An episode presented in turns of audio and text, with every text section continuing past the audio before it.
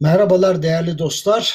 30 Ekim 2020 her şeyden önce yaşasın Cumhuriyet diyerek söze başlamak istiyorum. Dünyada eşi görülmemiş bir zaferin ardından eşi görülmemiş bir demokrasi devrimi yapan Mustafa Kemal Atatürk ve çalışma arkadaşlarına teşekkürü bir borç bildiğimi ifade ederek sözlerime başlıyorum.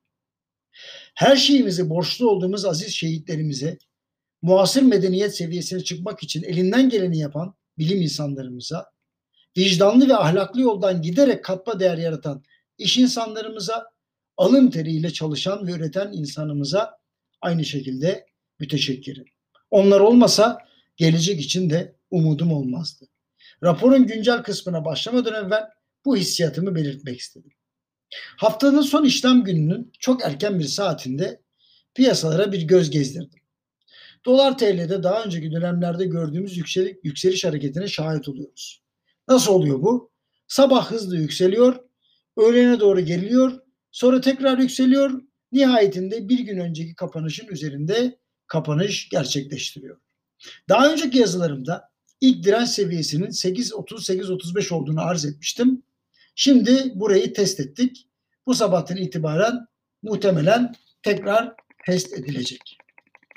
Şimdi yükseliş hareketinin devam ettiği bu son dalgada aslında dolar TL'de bazı tereddütler belirmiş ve momentum yavaşlamıştı. Ancak Eylül ayının son günlerinde tekrar hareketlenmeye başlayan dolar önce 7.56 ardından 7.78'i geçince sırasıyla 8.12 ve 8.35 seviyesi için gerekli ortam oluşmuştu diyebilirim. Çarşamba günü itibariyle artık 8.35 direnç seviyesinin test edilmesi için tüm sebepler oluşmuştu. Elbette daha önce test etmediğimiz seviyeler olduğu için bunlara şüpheyle bakabiliriz. Ancak şu ana kadar temasta olduğum analistlerin hedefleri her zaman nokta atışı tuttu. Şunu da ifade etmeliyim. Son bir aydır ya faizler yükselecek ya da IMF ile anlaşılacak veya her ikisi birden diyerek dolarda kalmaktan yorulduğunu söyleyenler de vardı. Bu da gösteriyor ki Merkez Bankası yönetimi şu ana kadarki en vahim hatayı yapmış.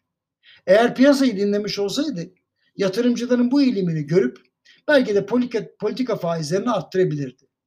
Böylece biz de hatalı kararın sonuçlarını ve yan etkilerini bugün konuşmazdık. Olan oldu. Bundan sonra zararın büyümemesi için Merkez Bankası'nın istişare dairesini genişletmesi gerekiyor. Anlaşılan şu ki akıl aldıkları uzmanlar para politikası konusunda uzman değiller. Belki de başka konuda uzmanlar bu sebeple ya atlan deve değil deyip fikir vermişler. Jeopolitikten spora kadar her konuda fikir verenler inşallah yanıldıklarını anlamışlardır. Değerli dostlar, Cumhuriyetimizin yeni yaşını tekrar kutluyor. Daha nicelerini hep beraber idrak etmeyi diliyor. Hepinize güzel bir hafta sonu diliyorum.